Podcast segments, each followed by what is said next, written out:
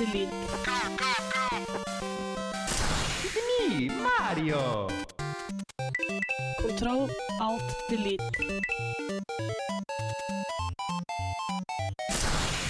Unable to comply.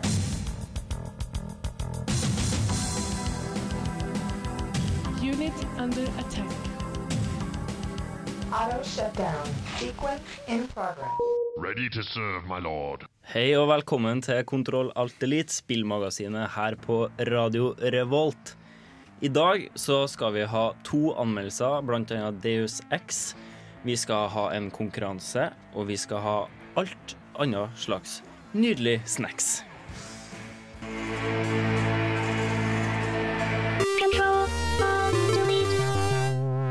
Hei, du hører på Kontroll Alt Elite.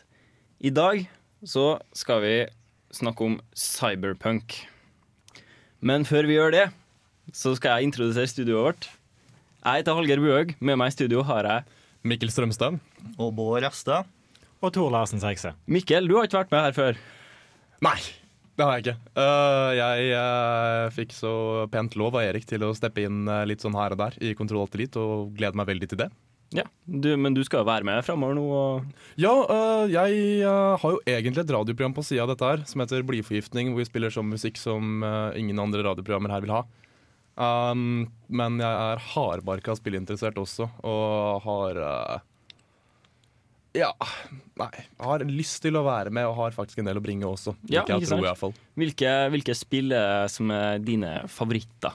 Vet du, Denne diskusjonen jeg har hatt med Bård tidligere uh, Vi har hatt noen veldig iherdige diskusjoner om min desiderte uh, favorittspillserie, som er Metal Gear-serien. Indeed. Indeed, indeed. ass. Uh, det er liksom den, og så er det Silent Hill og så er det Monkey Island som virkelig liksom står mitt hjerte nært. Men må jeg nevne en storfavoritt, så står det et eller annet sted mellom Metal Gear Solid og Metal Gear Solid 3. Det er jo bare nydelig. Mm, mm. Jeg ser at Bård nikker også, han er enig. Ja, nei, altså eh, Metal Gear, eh, det har jeg egentlig ikke fått til å prøvd eh, så veldig masse. Jeg har liksom aldri hatt PlayStation. Ikke? Nei, jeg har bare hatt uh, Xbox. Ja, uff. Ferdig greier. På tide å investere. Det er det, altså. Ja, Men det fine er at nå kommer Metal Gear Solid 2 og 3 HD Remix, og den kommer på Xboxen også, så nå har du ikke unnskyldninger lenger. Nei, jeg har ikke det. Jeg kjøpte, jeg kjøpte Metal Gear Solid 2 Mm. eh, til, til Xbox. Fordi det, det ble porta dit, da, men jeg har bare en 360. Men så tippa jeg kanskje Eller jeg trodde da at å ja, men Xbox-titler skal jo hovedsakelig gå an å spille på 360. Den var ikke det. uh, så nå har jeg en, et Xbox-spill stående i hylla mi som jeg ikke har bruk for i hele tatt. Uh, men nok om det. Før vi går over på nyhetene, så skal vi få høre på Motorhead med rock and roll.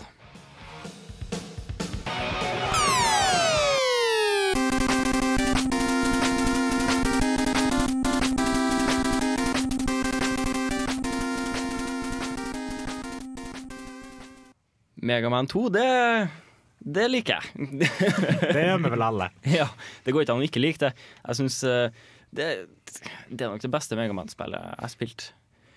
Jeg har hørt det veldig mange som syns det er vanskelig, men eh, nok om det. Det er jo litt av poenget med Megaman, er det ikke? At det Ja, skal være altså, jeg jeg syns Megaman 9 er mye vanskeligere enn Megaman 2, faktisk. Fuck easy mode, ass. Men, men vet du hva, Megaman 9 har klart to bosser. Det er pissvanskelig. Men nok om det. Eh, karer, hva har dere spilt siden sist? Mikkel, Får jeg begynne? du får Ah, begynne kult. siden du er ny. Ja, takk. Og så er Eh, det sist så må vi gå gjennom absolutt alt du spilte i hele livet. Ja, ja, Alt i hele livet, ja for du har aldri vært her, så Vel, det begynte i 1996, da jeg først spilte det originale Croc-spillet til PlayStation. Nei, jeg- jeg- jeg- jeg- Gjorde fram til forrige uke. Ja, vi, vi kan, Men nok Croc, altså. Det, Det var faktisk jævlig kult, Ja, ja, det var, ja. Jeg prøvde å gå Mario-style, da hoppe på alle fiendene, og det gikk jo ikke så jeg døde. Nei, du eh, må ta sånn Mario Stomp. ja, ikke sant? Mm. Men uh, det jeg har spilt mest da, bortsett fra League of Legends, som jeg så ikke teller, er uh, Jeg plukka opp Contra 4 igjen. For de som Mhm. spilte det til Nintendo DS. Apropos møkkvanskelige spill. Ja, Jeg har klart, har eh, klart fire bosser, og så dør jeg bare. Da går det ikke lenger. Da er alle credits brukt opp, og du har ikke noen sånn coin-slot på DS-en. eh, så det funker, funker Konami-code på Kontra 4? Jeg har ikke prøvd. Det må Men jeg skal gjøre, når jeg kommer hjem. Two up, two down, left, right, left, right, BA start. Mm. Men når det er sagt, eh, det spillet som jeg har spilt uh, runda i det siste, da, er eh, Trauma, som ble sluppet til Steam for et par uker siden. Det høres indie ut. Det, det, det er polsk indie, til og med. jeg, jeg prøvde å forklare dette for Erik uten å vise ham gameplay, og han sa at Mikkel, hvis du klarer det på lufta, skal du få en premie. Så jeg skal prøve.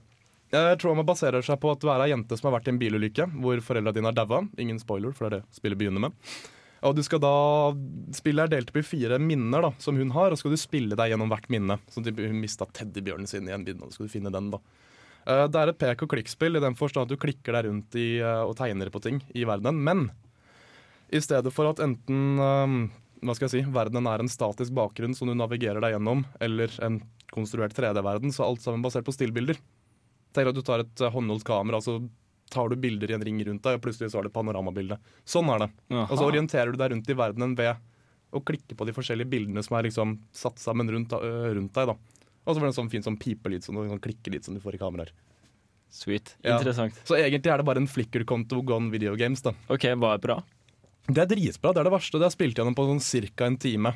Fordelen med det er at det finnes ikke lineært. Du må spille, deg, du må spille litt i det ene minnet, og så i det andre minnet, og så litt her og så litt der, for å få hint nok da, til å kunne klare alle minnene fullt ut. da. Vil ja. si, Gjøre det målet du skal der, som, som regel er å tegne på noe og finne noe. da. Mm, Og Det er verdt det, altså bare for stemningens skyld, da, for det er et utrolig pent spill, om ikke noe annet enn det.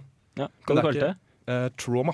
Trauma. Trauma til Steam koster nesten ingenting, så det er verdt å kjøpe. Steam har en bra indie-konto. Bård, hva har du spilt? Jeg har spilt veldig masse Deuce X, men siden det er dagens tema, så skal jeg holde på den praten til senere når vi skal ta og diskutere det skikkelig. Men jeg har også tatt og vært litt i kunstnerisk hjørne, sånn som en Mikkel her nå. Så jeg har spilt spillesettet spillet som heter Today I Die. Ok, Så man er i det kunstneriske hjørnet når man spiller indiespill? er det så? Yes. Det, Man er jo det bare se på Maskinarium, for eksempel. Mm. Det er jo ikke akkurat Nei, og det er enda kortere enn Trauma er. Eh, Det kan ta det sånn fem-seks minutter å ta runde ta spillet her nå. Men det er veldig kort, og det er vakkert, og historien er fortalt 100% gjennom gameplay.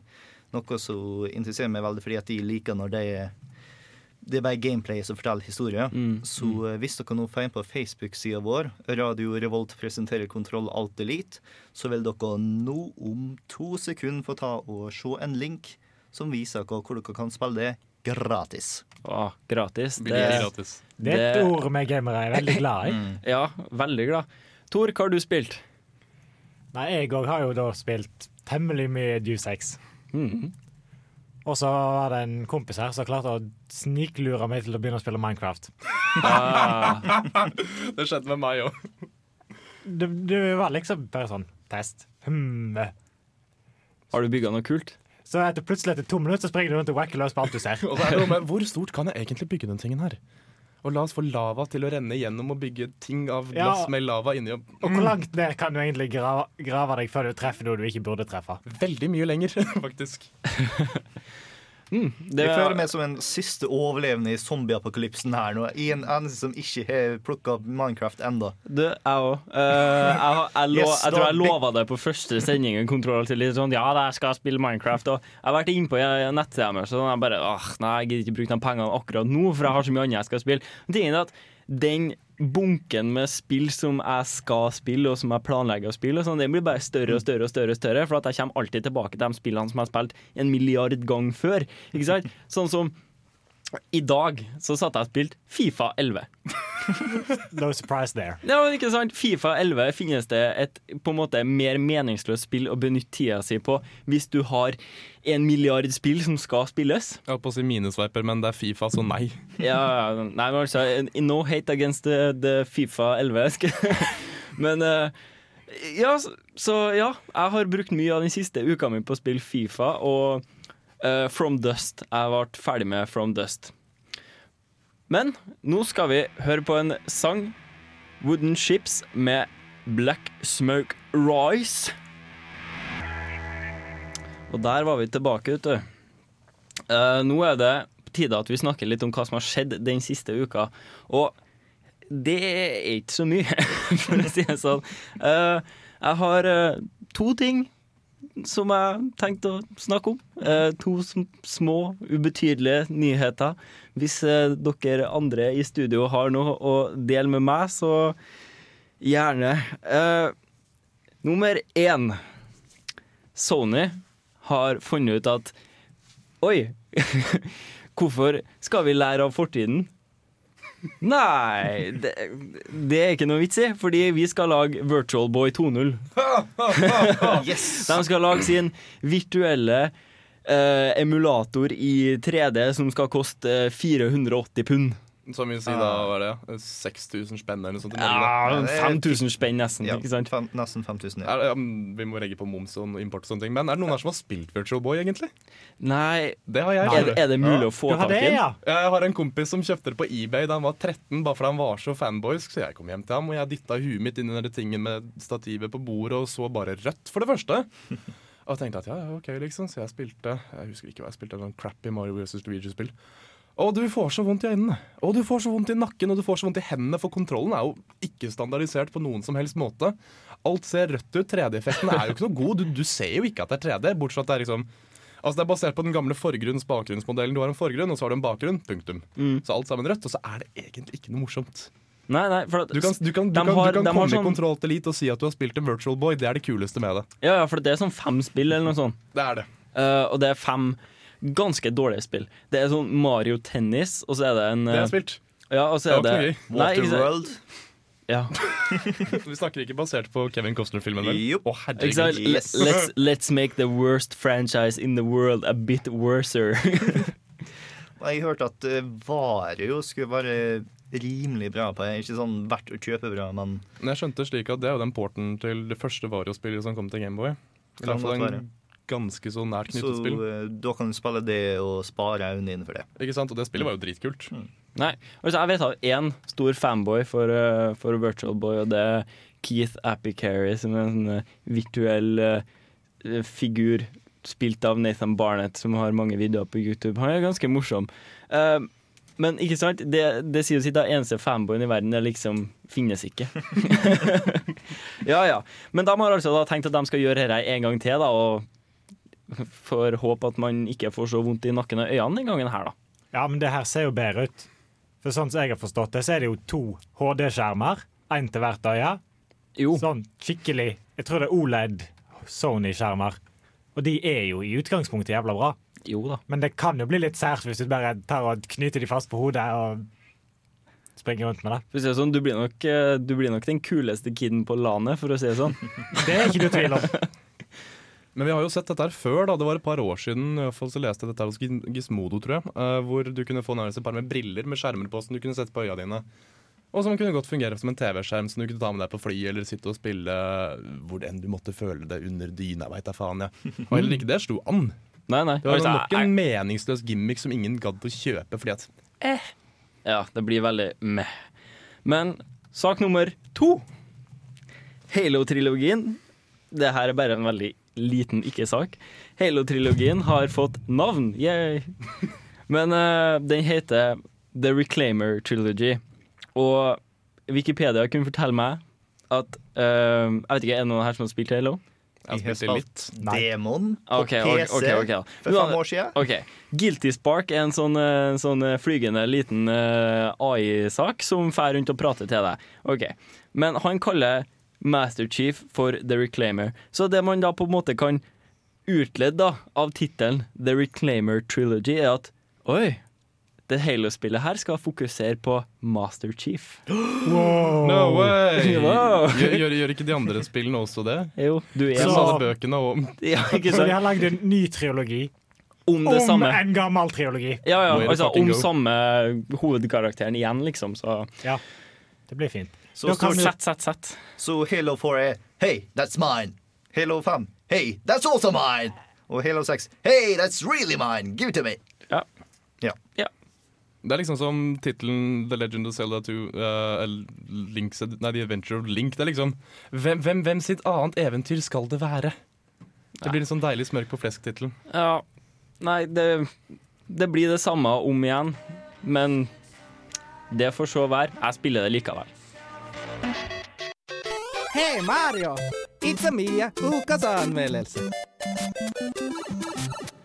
Ukas anmeldelse den uka her, det skal være Deus X. Human Revolution. Human Revolutions. Deus Ex har vært ute siden 2000, så det å begynne med å anmelde den er kanskje litt vel tregt. OK, beklager. Jeg skal, skal aldri si eh, første delen noe mer. Erik, det er du som har spilt det. Det er det, og eh, jeg har faktisk anmeldt det òg. Det har vært en ganske lang prosess, egentlig. Eh, Det eneste spillet som jeg har anmeldt som eh, har vært, tatt like lang tid, tror jeg må være Castlevania Lords of Shadow. Ja. Det tok opp mot eh, 25 timer, og jeg tror jeg har brukt sånn cirka det samme på Deus Ex. Bare 25? Ja, Mye av grunnen til at jeg har brukt så lang tid, er at jeg er en perfeksjonist. Man blir ofte det når man spiller sånne spill. Eh, hvis du ender opp med å faktisk ikke ha drept noen innen det første kanskje timen av gameplay, så ender du opp med å aldri skal drepe noen ever. For Mm, at mm. det blir sånn at da, da er du der. Ja. Og det er jo et spill som kan spilles på veldig mange forskjellige måter. Og eh, vi kan jo egentlig bare ta en lytt til anmeldelsen min. Sett i gang.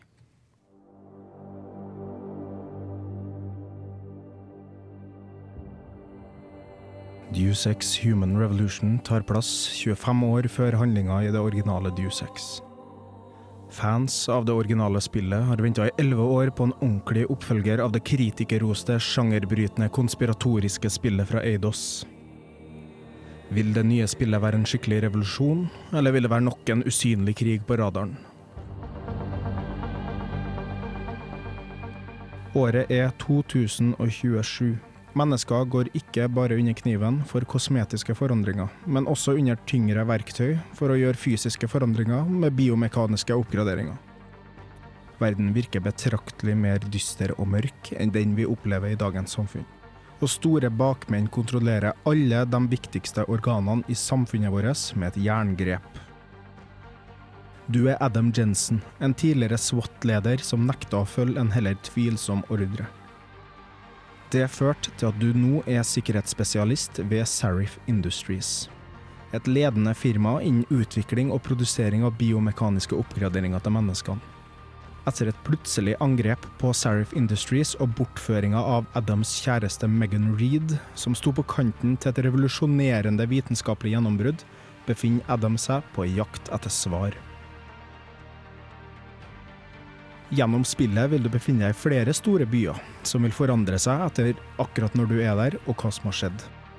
Deus Ex Human Revolution gir deg stor frihet til å følge historien på akkurat den måten du vil. Vil du få svar ved å skyte mest mulig høl gjennom dine fiender, eller vil du gå gjennom historien med minst mulig drap på din samvittighet? Det meste er mulig. Du blir også belønna om du f.eks. ikke blir oppdaga av en eneste fiende gjennom et oppdrag. Spillet en førstepersonsskyter i hva en vil kalle en cyberpunk-setting. Et høyteknologisk samfunn med store økonomiske og moralske forskjeller. Du finner alt fra korrupte politikere til kunstig intelligens. I den dystopiske framtid er det liten plass til det svake og normale mennesket. Det blir stilt mange spørsmål i spillet som Adam må ta stilling til, og som kanskje du til og med må tenke over litt sjøl.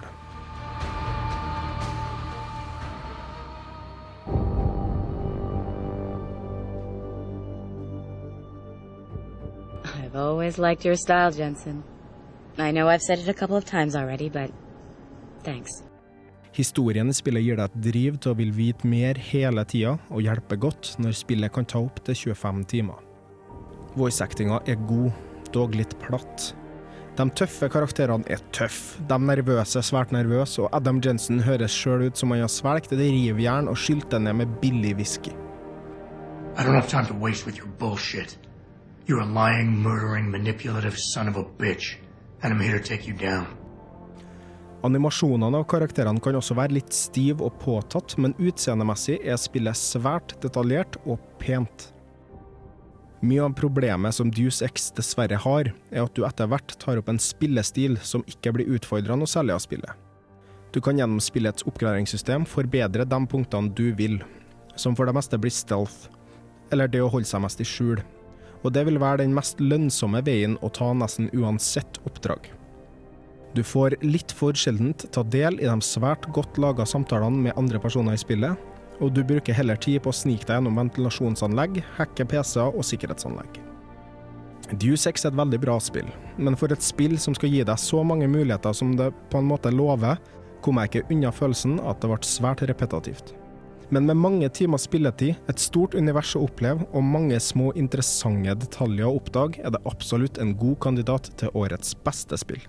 Karakter 8,5 av 10. Der fikk du Tom Waits med 'Badass Me', og før det så hørte du Erik sin anmeldelse av Deus Ex. Erik, det, det var spillende. Ja, så absolutt. Jeg nevnte jo i slutten av anmeldelsen at eh, det er en god contender, som det heter på nynorsk, eh, til årets spill. Eh, og det var ikke noe dårlig spill, det var bare ikke helt det jeg ønska. Mm. Får jeg lov til å lure litt her? Um, jeg har det veldig med sånn at når jeg spiller uh, FPS-er med RPG-elementer, og jeg får lov til å makse stats osv. Slik som jeg hadde i Fallout 3, så maksa jeg uh, speech og charisma, liksom. Og kunne bokstavelig talt snakke meg ut av Quest. Hvis jeg skulle ha tak i noe han sa at ja, du må gjøre en tre timer lang Quest, for du må løpe fire ganger over kartet på henda. Så hadde du alltid speech option speech, 93% og så trykka jeg på den og sa han, yo, I bet you not. Og så sier han oi, OK, da, ok da, ok da, bare, bare ta XP og penger, liksom. Men kan du gjøre sånn i Human Revolution òg? Eh, Du får en mulighet til noe som heter speech augmentation, tror jeg. Og det gir deg i hvert fall en eh, Du skjønner folk bedre. Du merker om det er en alfa-personlighet, omega- eller beta-personlighet. Og hvis du klarer å svare etter hvilken personlighet de er, og hva de egentlig ønsker for å svare til deg, så kan du få en XB-bonus i samtaler. Men du kan ikke shortcutte deg gjennom spillet ved å for eksempel makse sneak eller eh, noe sånt? Du får achievements. Ja. Yes. Ja, men det er jo nesten enda bedre. ja, altså, jeg, jeg savna litt det med Fallout sin mulighet til å ha ikke bare sneaky-sneaky eller shooty-shooty, eh, men også ha f.eks. snakking eller noe sånt der som muligheter til å komme seg gjennom spillet. Men eh, hva, hva kalte det? S- eh, speak Hva kalte det? Speak augmentation. Ja, speak augmentation. Er det liksom sånn at du opp opererer i et implantat i halsen din som går fra Snakker 'Snakke som her', bare Hei, du. Nei, altså, jeg, jeg tror det er mer det at uh, du får en chip i hjernen din som tilsier at du skjønner hvilken personlighet du snakker med. Så det er litt sånn Matrix-style at de sier 'download it into my brain, bitch'. Ja, Så får du det du trenger. Men eh, hvilken konsoll mener du burde spilles på? Eh, Det burde nok spilles på en PlayStation 3. Fordi at Nei, eh, nei, nei, nei, nei uff, nå tuller jeg. PC. Yes, Jeg, spilte, jeg spilte på en PlayStation 3, og uh, sånn som jeg har forstått det, så er Deuce X den nye Crisis. Mm. Det er Deuce X som gir deg muligheten til å yte mest mulig av maskin maskina di av uh, alle spill som er på markedet nå, bortsett fra kanskje Witcher 2, som også gir deg litt muligheten til det.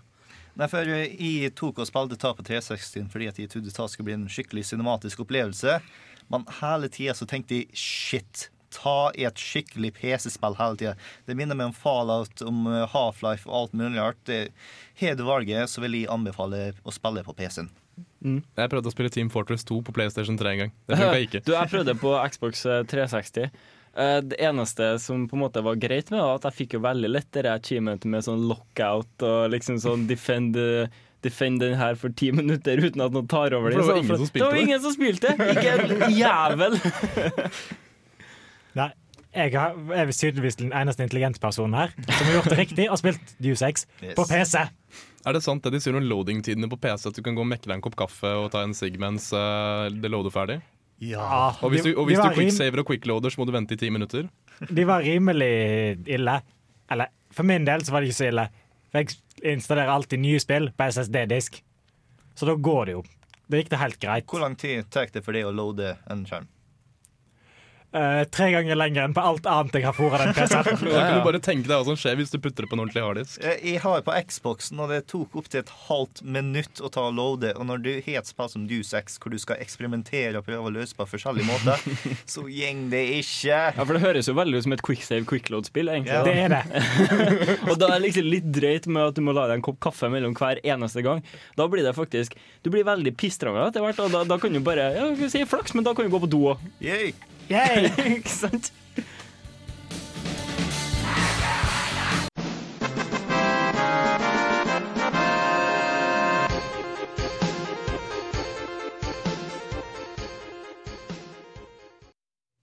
Ja, der var vi tilbake. Du hørte akkurat Pixies med River Eufrats. Det var ikke verst. Det gikk bra, det. River Eufrats. Ja, ja. Uh, eh, Deus Ex. Det var bra, ikke Yes. sant, Bård? Det er absolutt bra, og vi kommer til å snakke mer om det i time to. Så dersom du hører oss nå på radioen, så er det på tide å ta og hoppe over til PC-en, fordi at eh, stikk inn på radiorevolt.no, og så her øverst til høyre, så finner du en sånn fin liten play-knapp der nå, og da kan du høre på oss videre i time to. Stikk eh, samtidig innom Facebook, og lik eh, Radio Revolt presenterer Kontroll Alt Elite på Facebook. Det lønner seg. Og det Eh, kommer til å lønne seg ekstra masse nå, fordi at jeg har, takket være game ifra dem, fått tak i en hel haug med koder til Deus X på Steam. Så jeg kommer til i løpet av uka bare til å slippe en kode så du kan få en gratis Deus X enten på Facebook, og jeg kommer til å legge ut på Twitteren vår, rr-spill. Jeg kommer til å legge det ut eh, litt overalt. Kanskje kommer den på radiorevolt.no òg? Kanskje det er. Rett og slett så lønner det seg å følge oss på flest mulig steder, for da er din sjanse for å få eh, fingrene i en gratiskode til Deus 6. Ja. DU6, ikke Human Revolution. Ja, DU6 1. Yes. Den blir da Som om det er noe problem, sier jeg. Stort. Også. Ja, ja, ja nei, altså Jeg har tenkt å følge med sjøl, jeg. Men apropos Human Revolution, så må det jo også nevnes det at vi kommer til å dele ut det i løpet av dagens sending til en heldig lytter som svarer på en konkurranse som kommer i neste time. Mhm. Så følg med her på eh, Kontroll Elite for å vinne deg rett og slett Deus X Human Revolution til PlayStation 3. Og det, det burde dere ha lyst på. Rett og Ja. slett. Men nå skal vi gå over til en ny låt. Låt som jeg fikk beskjed om å si i stad, for jeg sa nemlig sang. Det er 'Ulver' med 'September 4'.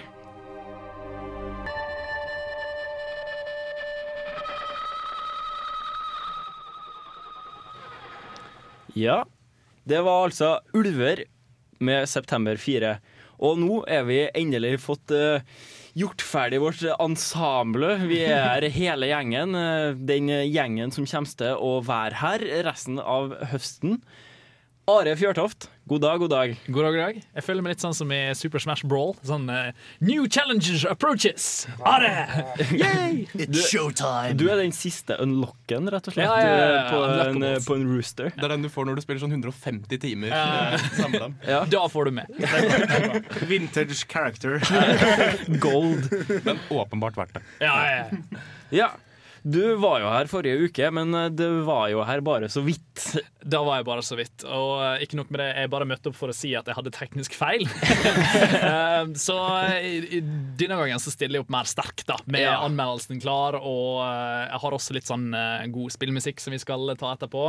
Eh, det blir bra. med Ja, det. ja, ja.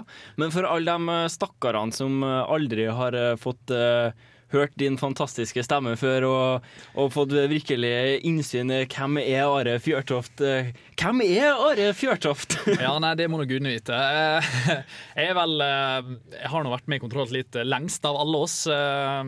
Hvis jeg tar vekk én person, så kan jeg nesten si lengst til sammens av alle. Eh, Jeg har mye erfaring i gaming, for å si det sånn. Jeg har spilt alt, nesten. Det er bare å slenge ut et navn på et spill, så har jeg spilt det. Eh, Supermann 64.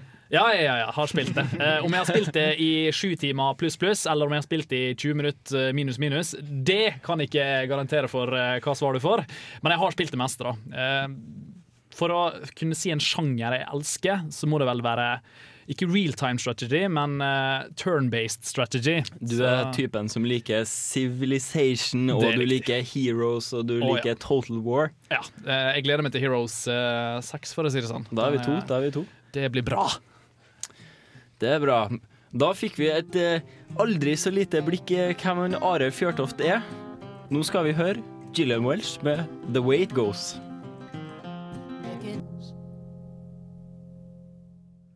Der var vi tilbake.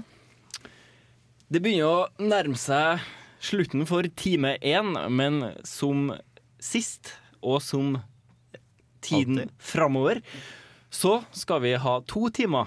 Men vi har bare én time på radio, så derfor er det viktig at hvis dere har øh, lyst til å høre oss videre, så må dere øh, på datamaskiner høre oss, og høre oss øh, på streamen på radiorevolt.no. Eller så, hvis dere hører på podkast, så Problem bare- solved. Problem solved. Ignore that last message. Ja.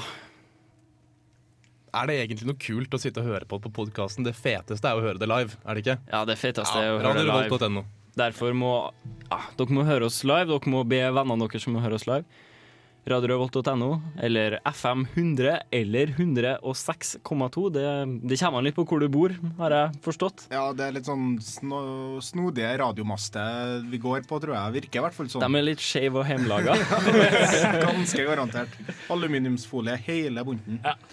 Men uansett, neste time blir podkasttimen til oss her i Kontroll Elite. Og eh, det går i et litt annet tempo, da. Det går i et helt annet tempo, da skal vi snakke litt saktere. Vi skal dra fram noen gode diskusjoner, samtaler om cyberpunk-sjanger. Vi skal faktisk ha en anmeldelse til for dem som er interessert i det. Vi skal ha to, om ikke tre, konkurranser. Ja, eller en av dem er jo ikke en ordentlig konkurranse. Det er jo Skattejakt. Skattejakt, ja. Vil du gå glipp av et gratis spill? Nei, du vil ikke det, så bare hør på radiorevolt.no. Hør på radiorevolt.no. Vi kommer vel også til å diskutere litt, om, litt mer om Deus Ex uh, Human Revolution. Men uh, ja. Ja. Så fortsett å høre, eller skru over på dataen. Gjør det. Gjør det nå. Du har 3 minutter og 18 sekunder på det.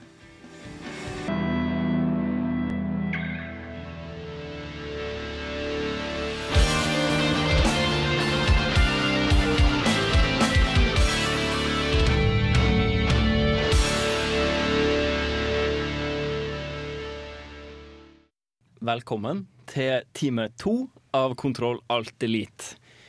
Forhåpentligvis så hører du oss nå på radiorevolt.no, men du kan, kan godt hende at du hører oss på podkast òg. Det er helt lov, men uh, som nevnt tidligere, det er jo live som er den beste opplevelsen. Her i podkasttimen så skal vi ta det litt roligere. Vi skal, vi skal la diskusjonen få rom og ja Sette oss litt tilbake og, og snakke om det vi har lyst til, rett og slett.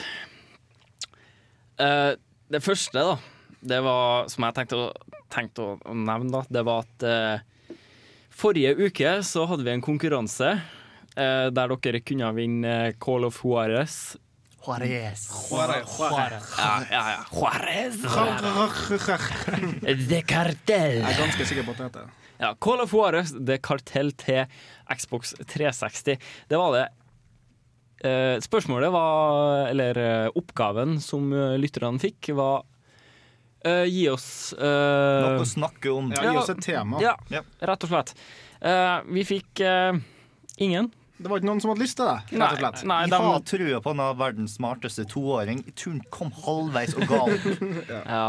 Nei, jeg, jeg tror kanskje problemet er at eh, folk syns at vi er for flinke, og, og at Ja. eh, vi har så gode temaer fra før. Og sånn at de, de syns ikke at det er noe vits å begynne å blande seg. Jeg, nevnte det til en på jobb, eh, og han sa det at eh, han eh, kom til å sende det inn, men han sendte ikke inn. Han tenkte at vi skulle snakke Et godt eksempel, altså at vi skal snakke om backloggen vår Mm, i sending. mm. For at det er et stort tema hos de fleste gamere. Det betyr ikke at jeg kan gi spillet til han, for at han sendte faktisk ikke inn mail som var selve oppgaven. Så dere har fortsatt en mulighet. Fordi Ja. Så ja, vi har jo fortsatt et spill å gi ut, vi. Har dere lyst på et spill, så må dere nesten Ja, noe må dere nå gjøre. Dere, dere kan ikke få spill. Jeg vet ikke, hva skal vi Eh, Send en eh, mail om hva du syns er det beste spillet du noen gang har spilt. Sånn at Med- du får en liten med begrunnelse. Ja, for sånn at vi har bare en liten konsensus om hva lytterne våre liker, rett og slett. Mm. Send, send det til, ra, til nerd at radiorevolt.no. Eller hvis eh, mot formodning at det er ingen som svarer da, på, på den mailen For at, eh, som sagt sist òg, vi, vi svarer på mailene. eh, om ikke noe annet enn eh, takk for din deltakelse.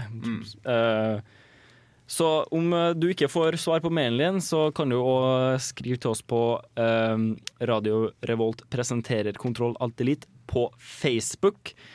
Eller du kan jo skrive til oss på Twitter eller til, på, Steam. på Steam. Ikke sant? Og når vi snakker om Steam, så burde du ta og notere det. Kilo, whisky, Charlie, 7, Quebec, X-ray, Delta, 4, India, Gamma, Kilo, 8, November, Charlie, pappa. Oi, oi, oi, oi, oi. Yes. Hva var det for noe? Ikke si det. Ikke For hvis dere har fulgt med, så vet dere hva det er, og da er det førstemann. Det er førstemann, folkens. Så ja. Det kan jo at det var noen som skrev det feil òg, så kanskje hvis du hører på podkast, at du faktisk får slått det inn på Steam. Mm. Men da kan du allerede være for seint. Det kan være allerede for sent. Det kan jo at du fortsatt har tid. Skynd deg. Du sa hvordan det var man folk. Jeg fikk ei uke på å skrive én mail for å få et gratis spill. Hører jeg jo ta om to måneder, så er jo kanskje allerede sjansen da òg. Det kan godt hende. Enten så har vi ingen eller late lyttere. Men jeg har forstått det sånn som at eh, her i Kontroll til Elite så har vi en liten tradisjon, eh, Erik. Det har vi. Det er vel Are som har vært her lengst, så det er kanskje han som kan Ja. eh, Ja, ja, presentere. så for jeg ble til og med presentert for herre tradisjonen, da. Ja, det er litt gøy tradisjon. Det er når vi får nye medlemmer, eh, som jo vi endelig har fått igjen. Eh, yes. Og eh, da er det en spesiell sang som plutselig var blitt tradisjon, fordi vi fant ut at vi hadde spilt den hver gang vi hadde fått et nytt medlem. Eh, og da fortsatte vi, enkelt og greit, eh, i god stim. Eh, for de som er gamle lyttere av Kontroll til litt, gjenkjenner denne sangen her så fort som bare F, og kanskje til og med litt lei av den. Nei, aldri. jeg blir ikke lei av denne sangen her. Det, må Nei, det er fantastisk! Og eh, da får vi egentlig bare dedikere denne sangen til våre nytt medlem og selvsagt til våre nye lyttere der ute.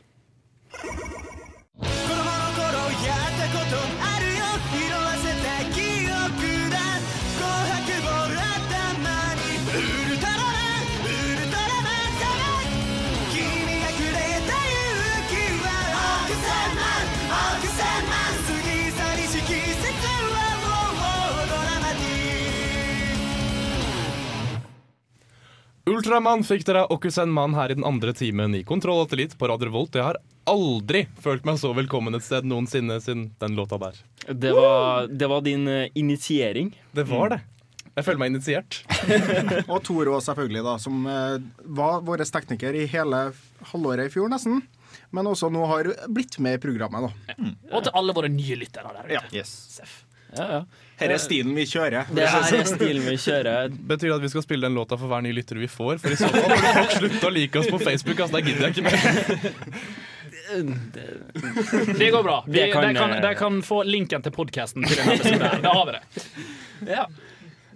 Um, nå skal vi prate om sjanger. En sjanger som er veldig tematisk riktig når vi har en anmeldelse av Deus Ex Human Revolutions. Riktig. Riktig, riktig, riktig. Og hvorfor er det tematisk riktig, Bård? Det er fordi at vi skal snakke om cyberpunk-sjangeren. Som er en eh, ganske artig eh, science fiction-sjanger som tar og går inn på forskjellige moralske ting. Eh, enkleste måten å ta og forklare cyberpunk er å se high-tech, low life. Det er snakk om at det blir høyteknologiske, og hvordan du kan gjøre umoralske ting med deg. Ja. Jeg vil si det at det som setter cyberpunk til, hva skal jeg si, til side for science fiction, da, Mm. som gjør de to forskjellige, er at det Star Wars og science fiction. De har lightsabers og de har romskip og sånne ting, men i cyberpunk så er denne teknologien absolutt overalt. Mm. I de minste ting. Du kan lage en brødskive med en datamaskin, liksom. Da, da snakker vi cyberpunk. Og så alltid skittent rundt deg. I, I Star Wars, for eksempel, de lager jo ikke brødskiver med, med datamaskiner. Ja, for at I i cyberpunk-sjangeren så ja, de, de finner på alt, men det ser ut som at de glemmer alltid å lage en automatisk vaskegreie som kan vaske gatene. Og For det er alltid skittent. det er alltid skittent. Og, Og en automatisk søppelbil. ja, ikke sant? Hvor, hvor er det av dem? Ikke godt å si. Det er jo en uh, Det greie er er Star Wars. Nei. De ble så teknologisk avanserte at de rett og slett ikke gadd å fjerne søpla til menneskene lenger. Ja, Og bare flytte flytta ut på landet og bygde sin egen by. Streika. Ja. Det er Cyberpunk-sjangeren tar og låner en god del fra film noir-sjangeren. Så derfor så er det gjerne skjetent og mørkt og dystert. Ja, for det, det er dystopisk. Yes, det er svært sjelden at det er du i en cyberpunk-plass, så er du sjelden på en hyggelig plass. Da er det gjerne store byråkratiske monster som er ute etter å holde de små rebellene nede. Da er det pengene som telles, ikke noe mer enn det. Og, og forskjellen er vel kanskje å ta Mass Effect i forhold til Dusex. Eh, der har du de to forskjellene med hva Ja, som er for- utopia mot dys, dysutopia. Ja, for Forskjellen er jo at eh, i det ene tilfellet så har du Mass Effect der de snakker om at de, de fant de fant eh, teknologien til å kunne bevege seg raskere enn lyset og til å og dermed kunne utforske galaksen veldig effektivt og sånn. Og, og dermed var det teknologier som eh, effektivt liksom kunne gjøre hva som helst. Og de brukte den til liksom at alle sammen skal ha det bra og alle sammen skal ha det fint. ikke sant? Mens i cyberpunk-sjangeren og i DO6 så bruker de teknologien heller til å holde folk ned, liksom. Eller? Ja, altså Dette er en spillpodkast, så vi skal ikke komme inn i marxistisk klasseteori. men, men det er det eh, klasseskillet er vel hva uh, Cyberpunk eh, har mye med å gjøre. på en måte. Du har big corporate, og du har uh, the scum of the streets, liksom. Og eh, de, dem som er høyt i toppen i det økonomiske sjiktet i cyberpunk-sjangeren, har ofte store augmentasjoner og forandringer med kroppen som gjør dem mer eller mindre overmenneskelige. Forklar en augmentasjon, Erik. En augmentasjon i forhold til Deuce X-verdenen, da. Det vil være en biomekanisk, altså en mekanisk del som er erstattende for en annen del du har på kroppen, f.eks. overarma di, sånn at du får jævla mekaniske biceps. Og du kan løfte biler og kaste dem på the scum of the streets, som jeg Mm. nevnte i stad. Kort sagt, du blir en cyborg. Ja. Men et annet klasseskille som er ganske ofte i eh, cyberpunk, er skillet mellom maskin og menneske. Fordi at i cyberpunk så er det ofte at maskinen begynner å bli self-aware og alt sånt der nå. Så da er spørsmålet hvor avansert og intelligent kan en maskin bli før den får menneskerett? Og hvor eh, avansert og full av maskineri kan en menneske bli før den slutter å være et menneske og begynner å bli en maskin, bare det? De som vil gå litt tilbake til røttene, kan jo plukke opp eksempel enten en uh, Isaac Asimov-bok, eller hvis de liker ting som ikke er så sært, uh, science fiction-forfatter Philip K. Dick. For de som har lest uh, Flow My Tears, The Policeman Said, så er det ikke snakk om et uh, altså mas uh, maskinelle augmentations. Det er snakk om genetisk framdrift i stedet. At rett og slett klasseskillene går på rett og slett genetikk. Da. De som er genmanipulerte. Eksempel level 4 så er dritmye bedre enn level 3, så level 5 så er bare en myte, men ja. Det er det som klasseskiller folk, da. Og du får dystopien i det, den forstand noen har det så gjennomført jævlig bra fordi at eh, genetikken deres tilsier det, mens andre er litt mindre heldige. Det minner veldig mye om de der Caminoensene i Star Wars. De gikk jo rundt og tok livet av hverandre fordi de hadde feil øynefarge og sånne ting. Ja, det var dem som, eh, det var dem som holdt på å klone det. Ja. Det var dem som klona Clone Troopers. Ja, og seg sjøl, for så vidt. Ja, det var. Men så har vi også den andre sjangeren, som er steampunk. Som vi også trengte å hoppe inn på her. Mm. Og hva er det som eh, kjennetegner steampunk? Mikkel, eksempel.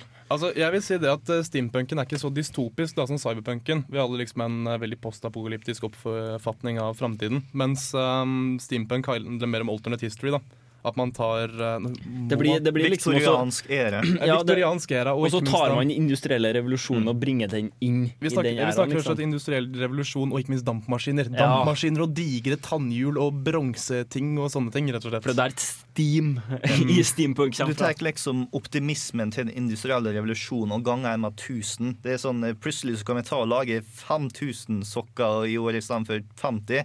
Du gjør det om til at nå kan jeg ta og reise i tid, jeg kan ta og skyte store kanoner, jeg kan ha roboter laga av stål og tre.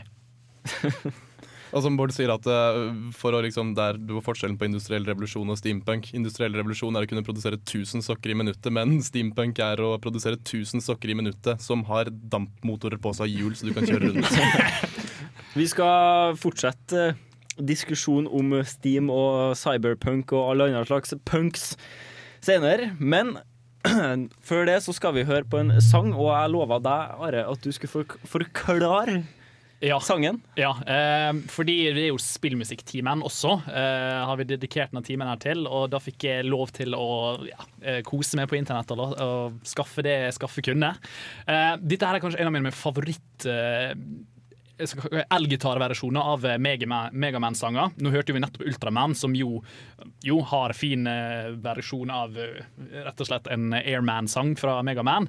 Men her er det tatt gjennomført, og han her kan å synge. Eller han kan å synge reint. um, og det er liksom bare Bare tenk deg det kuleste 80-talls eh, heavy rock metal-bandet du kan, og så spiller de Megaman-låt. Det er enkelte enkelt greit. Du må nesten bare si navnet, fordi jeg klarer aldri å huske det. Det er et band. Uh, Finn det på internett. Uh, All musikken her er gratis å laste ned, spille, uh, bruke til hva du vil. Bare finn resten av albumene her og bare nyt det. De heter da Dangerous Mezashi Cat, altså Mezashi med Z. Med sin versjon av Snake Man. Ja.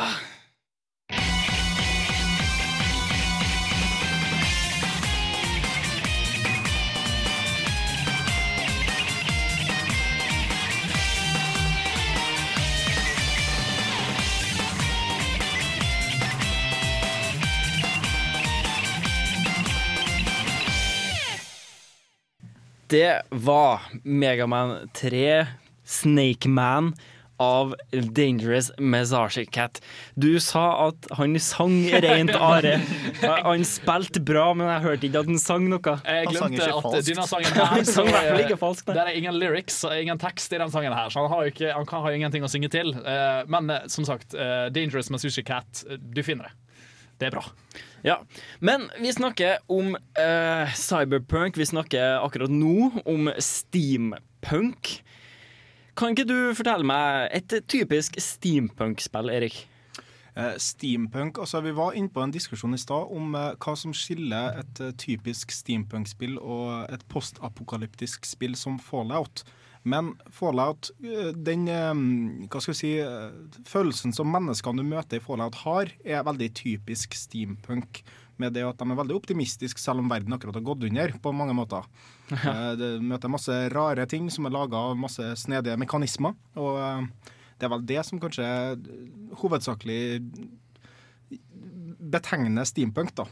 Men det Fallout 3 og den postapokalyptiske sjangeren, det, det, det er jo på mange måter en egen sjanger. Nettopp det postapokalyptiske og at eh, alt har gått til helvete, nå må vi bygge opp igjen, liksom. Det er ikke eksklusiv. Du kan ha steampunk, cyberpunk-teknologi i en postapokalypse.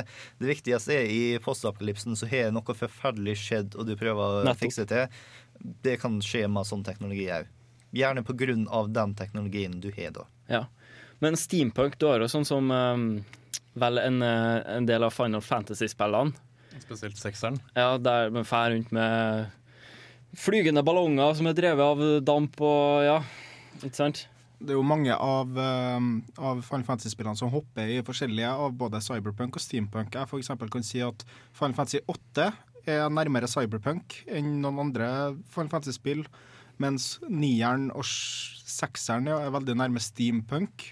Og det, altså det er et fantasyspill i utgangspunktet, for at du har fortsatt sånne fantastiske skapninger som drager og troll og medusa og chimera, men du har fortsatt det der underliggende temaet med luftskip og masse forskjellige mekaniske ting. da. Det som er som er veldig gjenkjennelig i spillverdenen for steampunk også, det er at hvis du bare for har steampunk i vanlig, det er veldig mange som er fan av steampunk sånn generelt, hvis du ikke drar med spillsjangeren, men i spillsjangeren så bruker det å være en motkontrast til magi. Eh, hvor det er liksom at du må enten være magi, eller så er du mekanisk, da, eller steampunk. da. Eh, et veldig godt alternativ på det, eller eh, forslag til det, det er Arkanum. Eh, gammelt, godt, nydelig spill som fremdeles er spillbar fra ende til annen. Absolutt anbefaler der.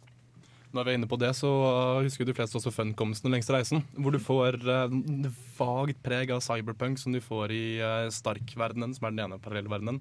Mens du har utelukkende magi og fantasy-settingen i uh, Arcadia, som er den andre settingen der. Og du, det spiller jo også veldig på den kontrasten, ikke sant? At uh, Stark utvikler seg veldig teknologisk, mens Arcadia um, utvikler seg veldig magisk.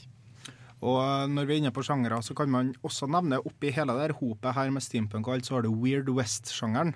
Som også er en sånn her salig blanding av steampunk, magi og horror. Mm. For eksempel eh, rollespillet Doomtown, eller Boomtown, er også et veldig godt eksempel på Weird West, da, hvor du har liksom magiske ting som skjer. Du har Sue, du har eh, masse forskjellig med både steampunk og westernsjangeren.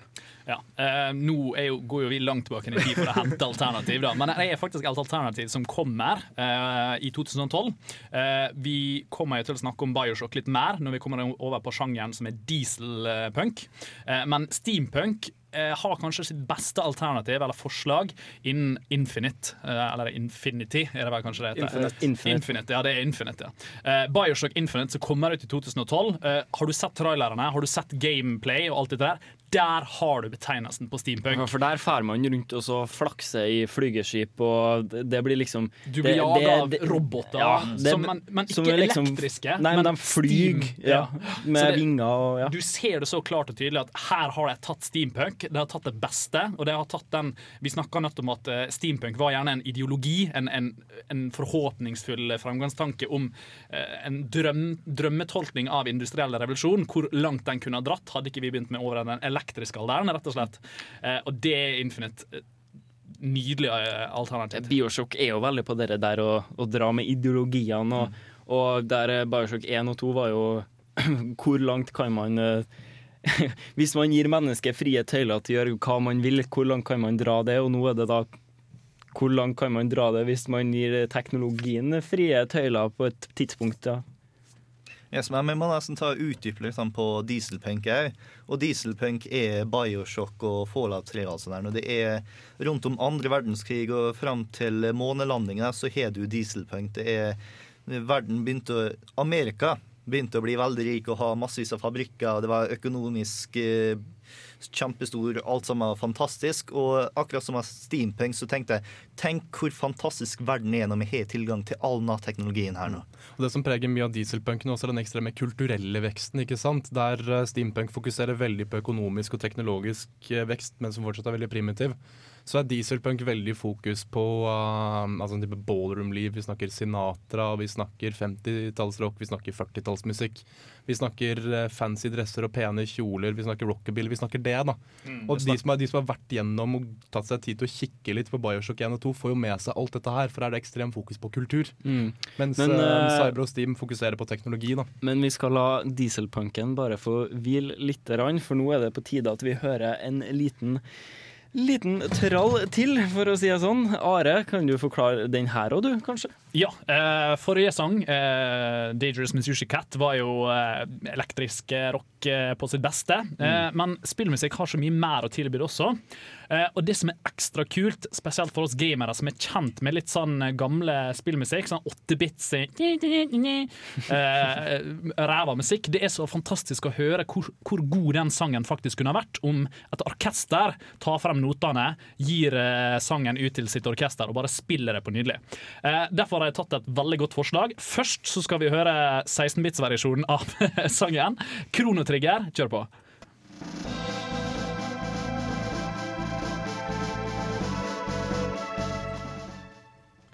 Og eh, det er liksom bare å høre hvor horribelt det er, eh, og hvor horribelt det var. Eh, Det var jo det beste de hadde å tilby. Men når et orkester derimot tar opp notene og spiller det, da hører det heller sann ut.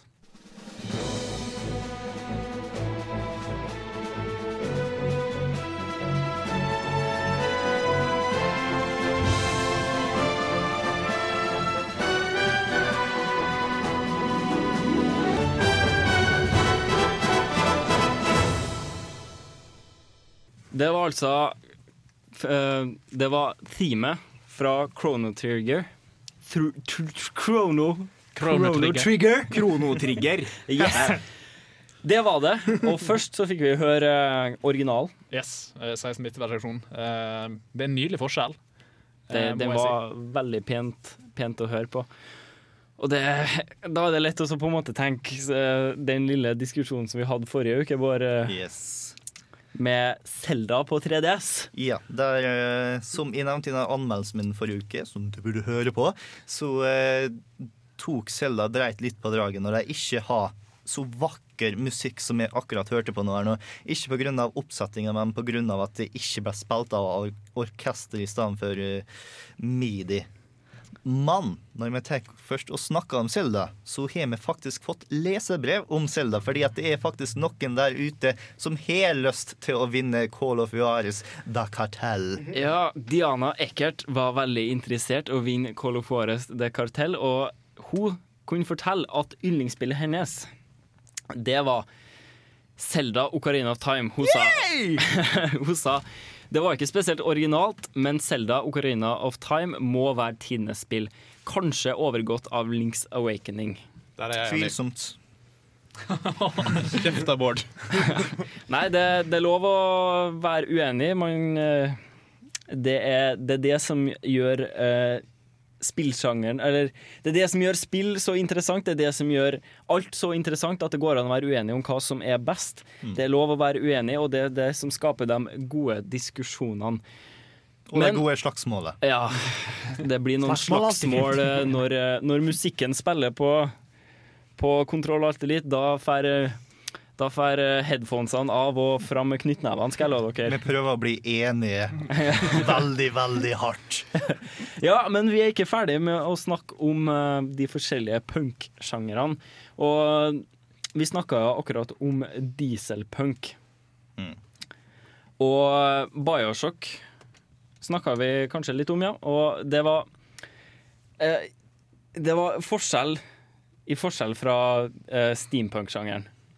Så var det de kulturelle ikke, ikke bare den teknologiske optimismen, men at det var liksom et veldig fokus på det kulturelle. Og, Gjerne også det ideologiske, fordi at eh, med dieselpunk-sjangeren så kommer du både innom andre verdenskrig, hvor du har nazistene, som er kjempeartig å drepe, og så har du eh, kommunistene, som er alltid så artig å eh, holde på med. Du får jo drepe kommunisten i Fallout 3. Det får du anledning til. Og, og det er det jeg sier. Så lenge du har litt dieselpunk, uansett om det er film, eller om det er spill, eller om det er tegneserie, jeg, jeg føler at det er alltid en nazist der til stede som har fått seg en robot eller en tank eller en, en Der kommer alltid en tank. Mm.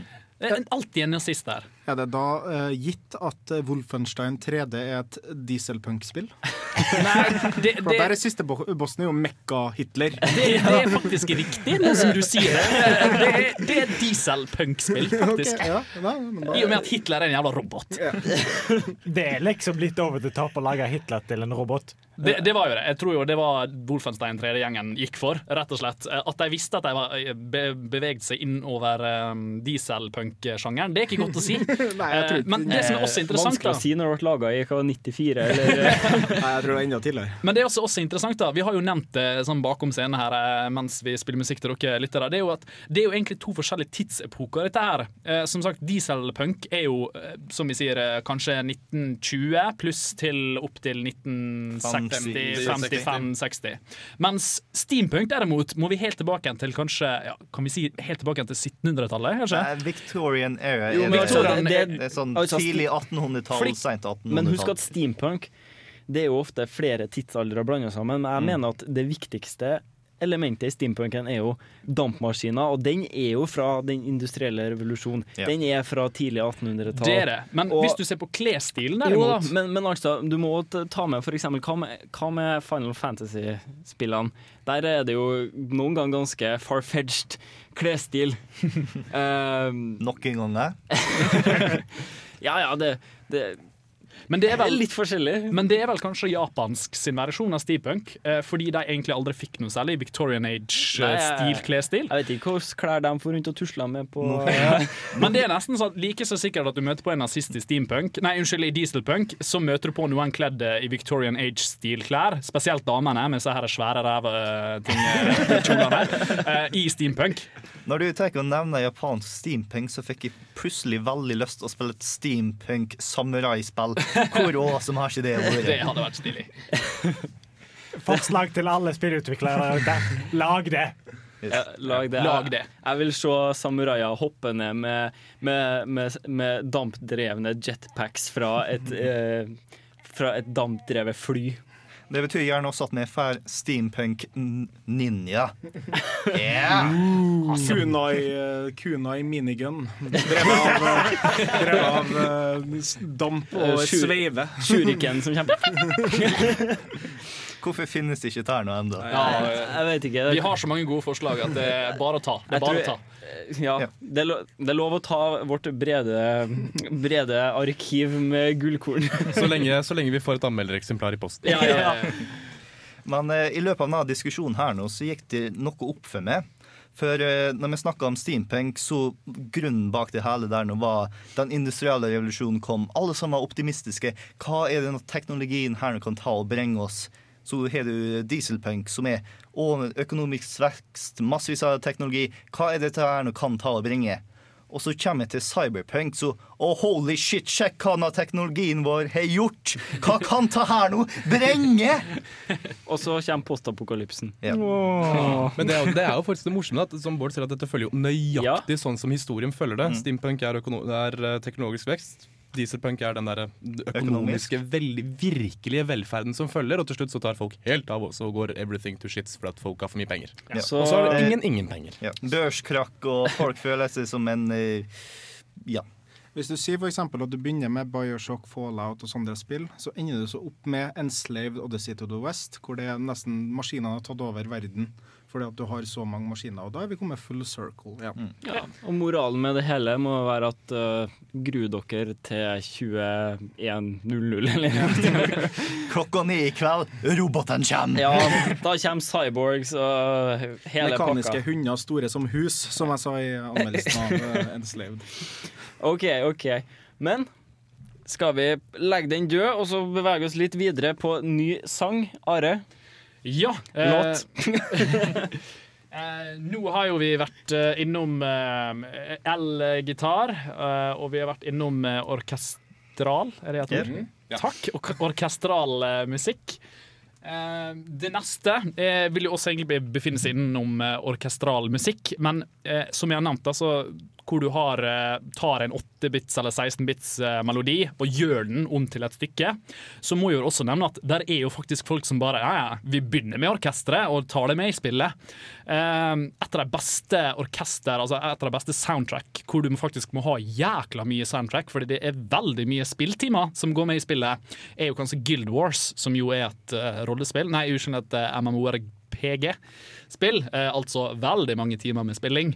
Eh, og det å tørre å lage musikk til et sånt spill, det er jo veldig eh, ja, det, da bier du deg ut på en stor reise, for å si det sånn. Ambisiøst. Ambisiøs reise. Eh, men det har jo disse her folka her tatt på strak arm. Eh, og Guild Wars eh, Theme, som det egentlig bare hetes, det er liksom bare kjenningsmelodien til Guild Wars, er av, for meg en av de mest gjenkjennelige orkestermusikk eh, som finnes der ute.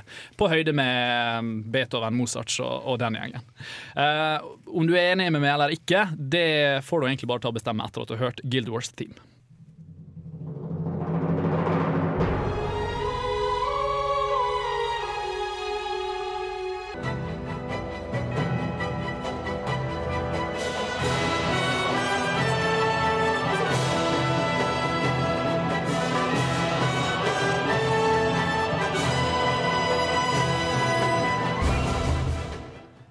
Det var Guild Wars Theme, og det Det er honning for ørene, det er balsam for sjelen, og det Det er ikke måte på. Det er som eh, Thor sa, det er Mozart og Beethoven for eh, lavkulturelle gamere. Jeg skulle nesten ha fått lov til å sagt det sjøl, men jeg ville bare stjele poenget ditt. Vær så god. Det, takk for det. takk for det. Uh, vi, har, vi har fortsatt igjen en konkurranse. Har vi. En, eh, det er jo egentlig ukas hovedkonkurranse. Du kan bare take it away, Erik. Ja, eh, som sagt så anmeldte jeg Human Revolution, Deus Ex altså, eh, i uka som har vært. Og du skal få muligheten til å vinne det spillet til PlayStation 3. Nå har vi også sagt at det gjør seg best på PC, men PlayStation 3 er det vi har. Så det du skal gjøre for å vinne eh, denne konkurransen, er å fortelle hva du ville augmentert. Ville du hatt supersterke armer, sånn at du kunne ha løfta en bygning, eller ville du hatt kraftige legger, sånn at du kunne hoppa oppå bygningen? Eller ville du hatt en augmentert genitalia, sånn at du endelig kunne ha tilfredsstilt kvinna di? Uansett, du, du har masse muligheter. Hva ville du ha gjort biomekanisk, sånn at du har blitt bedre på en eller annen måte? Rett og slett send inn ditt svar til nerd at radiorevolt.no eller på Facebook-gruppa vår Radio Revolt presenterer Kontroll alt delete. Gjerne med en begrunnelse av hvorfor du har lyst til å augmentere Ja. den delen. Du sier ikke bare 'jeg har lyst til å ha shiny metal ass', og så ikke noe annet. ikke sant? Du skjønner. det, det snakker jo litt for seg sjøl. Da skriver du bare 'Jeg vil oppfordre folk til å bite den'. Men på Facebook så kommer du også snart til å kunne se en link, fordi at eh, jeg og Erik holder på å prøve å presse ut en artikkel om et par gode cyberpunk-spill du burde ta og sjekke ut dersom du eh, hørte på oss i dag og tenkte hm, jeg har lyst til å spille noe cyberpunk som ikke er Deus Ex. Selvfølgelig, Hvis du har lyst til å spille Du6, så burde du ta og sjekke Facebook-sida akkurat nå. For vips, der har du nok en kode til Deuce på Steam. Tusen takk, game. ja, og jeg skal også si tusen takk til Spaceworld, som lot oss anmelde uh, Deus og som gir bort det spillet fra, uh, for oss, på en måte, da. Man kan rett og slett si at uh, spillnæringslivet i Trondheim er, er, er snill med oss i Kontroll Elite, og, det- og det gjør at uh, vi kan være litt uh, snille med våre lyttere. Nå skal vi, bevege, vi begynner å nærme oss slutten, men vi skal ha en liten anmeldelse til. En eh, anmeldelse som jeg egentlig skulle ha forrige uke, men eh, Teknisk, teknisk. Tekniske problemer, ja. Are, hva du har eh, anmeldt for, da? Um, jeg sa jo det i forrige uke, jeg sier det igjen. Det er Age of Empires har kommet ut med et nytt spill. Um, om vi liker det eller ikke, det får vi nesten rett og slett eh, ta og høre på. Da jeg hørte at Microsoft skulle komme med et nytt Age of Empires-spill, så skrev jeg ærlig at min gåsehud tok seg en kraftig fest. Da det derimot kom frem at dette spillet her skulle også være gratis å laste ned, men dog med mitrotransaksjoner for å drive spillet videre, ble denne festen abrupt stoppa. Age of Empires har en lang historie og er uten tvil et av de mest elska spillene i spillhistorien. Spesielt om du holder det innenfor real time strategy-sjangeren. Age of Empires var en pilegrim for denne sjangeren og satte mange standarder for videre spill. Age of Empires 2 er også en lett deltaker om man lister de beste etterfølgerne av spill der ute. Likevel, AOE3 var ingen braksuksess, og serien ble satt på vent en stund, så Microsoft kunne bestemme seg for hva de skulle gjøre med den. Det er ingen overraskelse at Microsoft ikke har gitt opp på en av sine mest elska spillserier, men at den skulle bli redusert til det samme forretningsmodell som Farmville, tok med med en overraskelse. Age of Empires Online. A new age has dawned. A connected age. A persistent age. An ever evolving world that always offers new challenges and surprises. Age of Empires er et stort spill, men det har definitivt forandra seg. Det første jeg forventer med AOE-serien, er å kunne spille mot motstandere på et kart. Ingen regler, ingen særlige mål. Enkelt og greit, bare bygg opp, utvikle det, og drep alle andre. Det er enkle premisser for et så moro spill. Microsoft derimot er visst ingen fan av enkle spill, og omdesigner hele spillet til å oppføre seg som en MMO med rollespillelement. Borte er gleden av å sette hurtig i gang. Velkommen er den sakte oppbyggingen av et imperium. Borte er de enkle premissene om at alle starter samtidig, og den raskeste, flinkeste eller den mest taktiske kommer seirende ut. Velkommen er de med rik pengepung. Age Vampires har starta på nytt, og dette vises. Du blir nå møtt med en startabby som du får i oppdrag av diverse Quest-givere, å levele og oppgradere til det blir en stor herskapsby.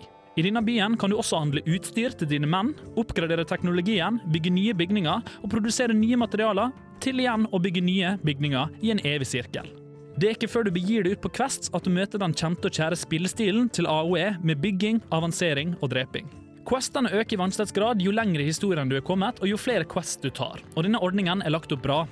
Det åpnes også senere spill for flere avanserte spillmetoder, og jeg skal innrømme at jeg hadde det faktisk veldig gøy til tider. Likevel så sitter jeg igjen med en litt dårlig smak i munnen. Age of Empires Online er absolutt noe du bør prøve ut, men bare for å finne ut om dette her er noe for det. Om du har spilt Age of Empires før, så bør du gå inn med blanke ark, eller i det minste vel viten om at nå entrer du et spill som er ment for leveling eller pengebruk. Jeg nevner mikrotransaksjoner etter spillet, og det er ikke det at jeg er imot denne forretningsideen. Faktisk så støtter jeg den for fullt, om det utføres like perfekt som det er gjort i League of Legends. Men Age of Empires Online er forsvertna av grådighet, og sjansen for at du forlater spillet fordi du ikke vil bruke penger, er veldig stor. Likevel, prøv spillet først før du tar en bestemmelse. Det er jo gratis. Liker du det, så syns jeg du skal støtte det. For min del så ble forandringen for stor. Kanskje det er sånn at gamle gamere virkelig har begynt å bli for gamle.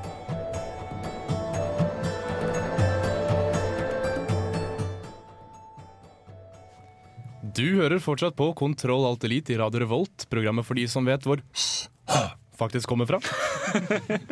Og alle ler, for alle vet hvor det kommer fra.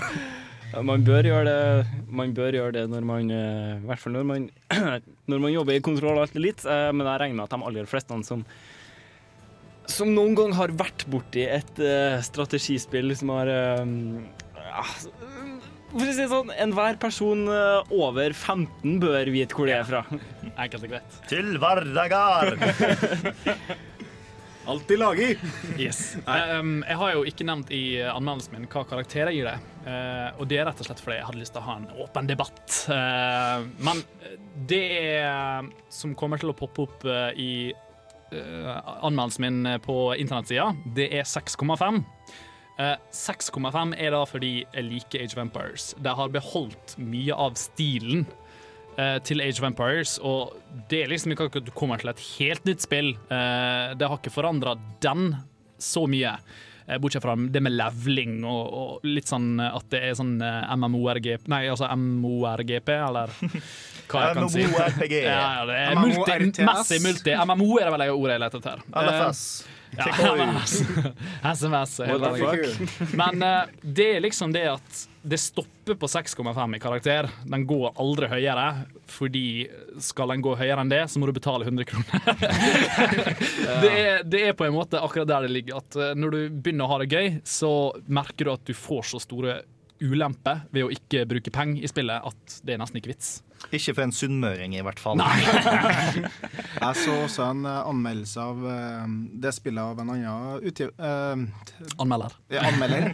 Og eh, de sa det at for å unlocke alt som er i spillet akkurat nå, sånn at du liksom har alt, så koster det fem, nei, 100 dollar til sammen. Oi. For det første season passet. Og det er dyrere enn de fleste spill som er på markedet akkurat nå. Rett og slett. Det, det er jo som Ta for eksempel et, et eh, spill som er online, som uh, ikke følger mikrotransaksjonsmodellen. Så har du jo World of Warcraft. Uh, greit nok, i World of Warcraft da har du jo den lille forskuddsinnbetalingen da, for, å faktisk få til å spille spillet med at du faktisk må kjøpe spillet og tre tilleggspakker. Sum Tja, hvis du får det til under tusenlappen, så er du heldig, da. Men eh, Men hvis du ser bort ifra det, da, så koster det deg cirka Ja, det koster underkant av en hundrings i måneden. Og det er jo interessant at du drar frem World of Warcraft, Warcraft som tross alt eh, driver og flørter med tanken om å, å introdusere mikrotransaksjoner i World of Warcraft. Eh, jeg, har hørt, jeg har lest utallige artikler om at de er visst interessert i å gjøre det. Eh, og mange debatter for hvorfor det blir bra, hvorfor det blir dårlig, hvorfor det blir bra, hvorfor det blir dårlig. Men det er litt sånn interessant at spill fra 2004, som har hatt faste subscribers eh, Hvor mye det koster nå? Er det 199 det koster fremdeles? For eh, Og betal- 250 for to måneder. 250 nei, nei, for to nei, nei. måneder, ja. Det, Det- det er hvis du kjøper sånn gamecard. Så som, Det burde du gjøre. Nei, men altså, Kjøp det på game. de som er faste subscribers, de betaler jo vanligvis med, med kredittkortet sitt, og da får du kjøpt ja, x antall måneder med rabattert dess flere måneder du kjøper, men du får det vel ned i en sånn type Ca. 12 dollar i måneden eller noe sånt. Ja, sånn 75 kroner i måneden eller noe sånt. 75 kroner i måneden. Så det, det er ikke så dyrt, men eh, det er rett og slett Hvis du de endrer nå sin modell da, til eh, mikrotransaksjoner, la oss si 10 spenn for eh, i- eller XP Boost, at du får kjappere XP. La oss si at du bruker den eh, fordelen sju ganger i løpet av uken. i måneden, så har du allerede tatt igjen måneds subscription eh, ja, prisen, og igjen bare begynne å dra fra, rett og slett. Og For mange vil jo dette være ganske appellerende. Jeg har spilt World of Warcraft i til sammen to måneder, eh, og hadde bare kompiser som på den tida var level 60. Og jeg startet i level 1, og jeg kom meg til level 20 etter to måneder. Jeg gadd ikke mer. og når den Hadde jeg, hadde jeg hatt en XP-boost og hadde sluppet å måtte grinde hele veien til jævla level 20, så kanskje jeg hadde spilt mer, for da hadde jeg noen å spille med. Og det var den tida det tok lang tid å levele. Da kunne jeg komme meg unna alt det kjedelige, ikke sant? Ja, for at eh, i det gode gamle World of Warcraft så måtte du jo regne med en eh, par uker gametid omtrent for å bli level 60, ikke sant? Og ja. Også kjent som vanilla grinding. Ja. Jeg spilte eh, Vanilla fra the get-go, og jeg brukte vel 15 dager på game, altså played Ja. game, eh, og da var jeg level 60. ja, samme her. Så, men det er jo spørsmålet. Åpen debatt. Min 6,5-karakter eh, stopper der fordi det er et bra spill. Men tror dere virkelig at sånn mikrotransaksjoner kan ødelegge for spillet? Det kan nok det når det er så stive priser som det er nå, og at eh, det blir urettferdig rett og slett for dem som ikke har tatt de mikrotransaksjonene.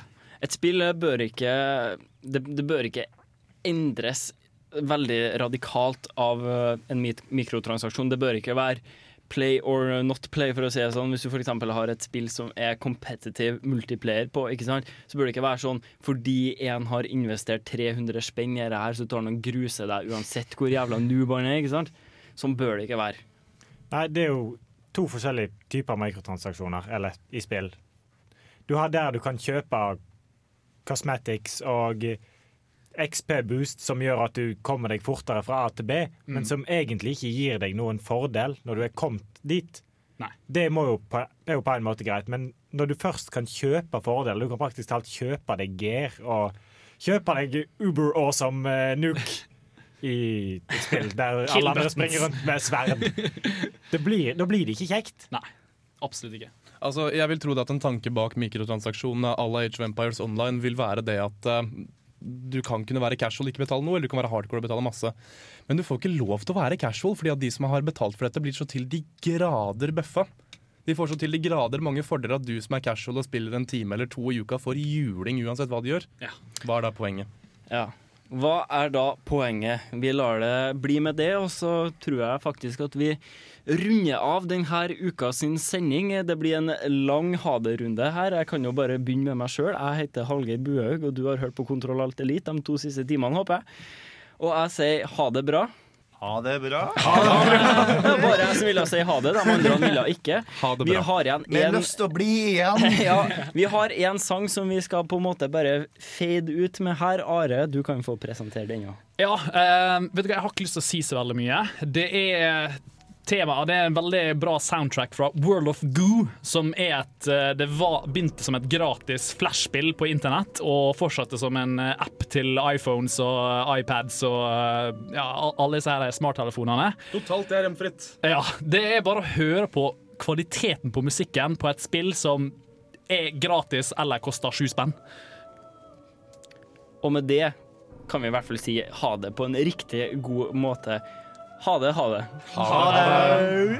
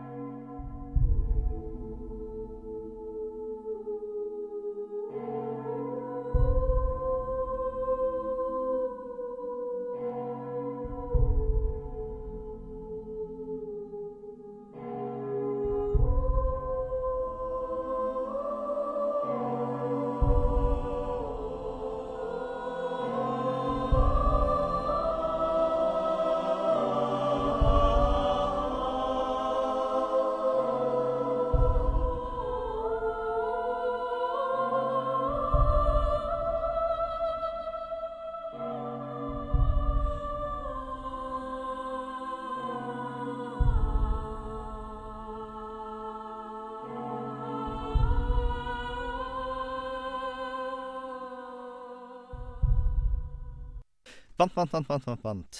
Kjære podkastlytter.